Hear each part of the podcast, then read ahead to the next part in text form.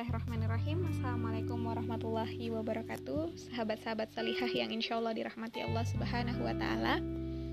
Di episode pertama ini uh, Sebelum Aisyah akan ke depan insya Allah akan menceritakan banyak hal tentang uh, para wanita yang mengukir sejarah kejayaan Islam. Tentunya di awal Aisyah ingin membahas tentang sifat dari wanita itu sendiri yang melekat yaitu sifat keibuan di mana Rasulullah Shallallahu Alaihi Wasallam itu bersabda bahwa anak bedul awatiki min Quraisy aku adalah anak Atikah Atika dari Bani Sulaim.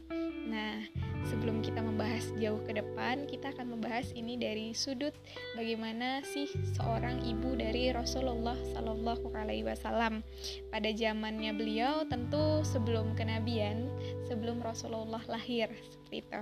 Nah, jadi eh, jika kita flashback ke belakang tentang bagaimana kedudukan seorang ibu, seorang wanita di semenanjung Arab atau bagi bangsa Arab sampai kepada masa ibunda Rasulullah Shallallahu Alaihi Wasallam, ibunda Aminah, di mana menurut pemahaman itu yang sampai hari ini kita terima bahwa memang pada masa jahiliyah seorang perempuan itu tidak mendapatkan tempat dalam arti di sini adalah dipandang sebelah mata.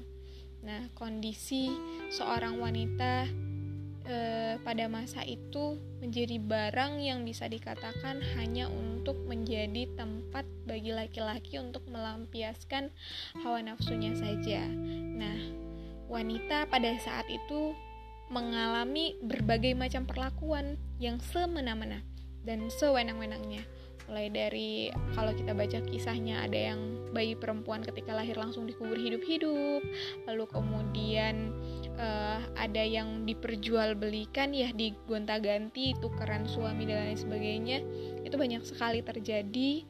Lalu sampai pada akhirnya uh, cahaya Islam hadir cahaya Islam datang sehingga menyelamatkan kaum wanita dari situasi itu.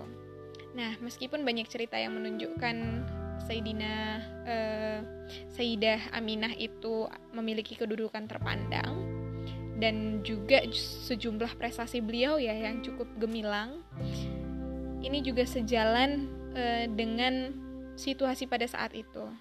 Hanya saja cerita-cerita seperti itu tidak setenar kisah-kisah tentang anak perempuan yang dikubur hidup-hidup, wanita yang berpindah dari uh, tangan ke tangan melalui warisan ayah ke anak dan berbagai fenomena lainnya.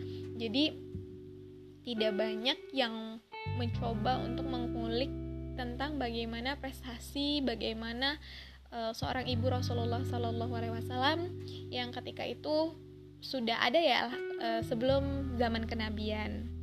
Nah di sini kita bukan uh, saya bukan menyampaikan ini untuk menafikan bahwa wanita Arab di era kuno itu diperlakukan tidak adil e, seperti pencerita kisah-kisah yang sudah disampaikan. Banyak sekali yang menyampaikan seperti itu. Enggak e, karena memang ada sebagian yang seperti itu. Namun di sini saya cuma ingin membagikan dari literatur yang saya baca sebagaimana seorang ibu Rasulullah Shallallahu Alaihi Wasallam. Nah, sebagian keterangannya itu yang saya dapat yang e, tercatat dalam sejarah sehingga dapat meluruskan kembali pandangan kita tentang sifat wanita dan keibuan bangsa Arab sebelum sebelum fase kenabian Rasulullah Shallallahu Alaihi Wasallam. Nah, di sini uh, saya juga nanti insya Allah akan memberikan sedikit keterangan tentang bagaimana uh, seorang perempuan ya, bagaimana sifat keibuan dari kita teladani yaitu ibu dari Rasulullah Sallallahu Alaihi Wasallam yang tentunya dari keturunan yang mulia yaitu keturunan bangsa Quraisy yang mana menjadi bahasan kita secara khusus di segmen ini. Nah, keterangan tentang sifat keibuan uh, atau hal ya, lain yang berkaitan dengan itu secara sedikit itu sudah uh, apa ya sudah tercermin pada sosok ibunda Rasulullah Shallallahu Alaihi Wasallam Sayyidah Aminah yang melahirkan Rasul ya. Juga beliau merupakan sosok yang membentuk dan membanggakan uh, bagi sosok yang membanggakan bagi Rasulullah Shallallahu Alaihi Wasallam. Jadi bagi Rasulullah sosok ibu itu adalah sosok yang membanggakan bagi beliau hingga beliau mengatakan aku adalah anak dari Atikah-Atikah dari Bani Islam dari Bani Sulaim.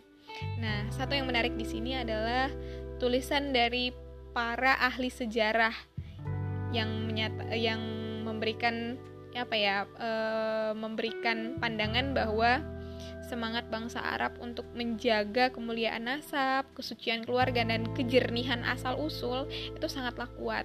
Sampai e, meski mereka berada di era jahiliyah, orang bijak Arab e, Aksam Sarif Asyafi'i itu mereka berkata bahwa jangan sampai kecantikan wanita itu memperdaya kalian hingga mengabaikan kejelasan nasab karena wanita-wanita mulia itu adalah tangga menuju kemuliaan.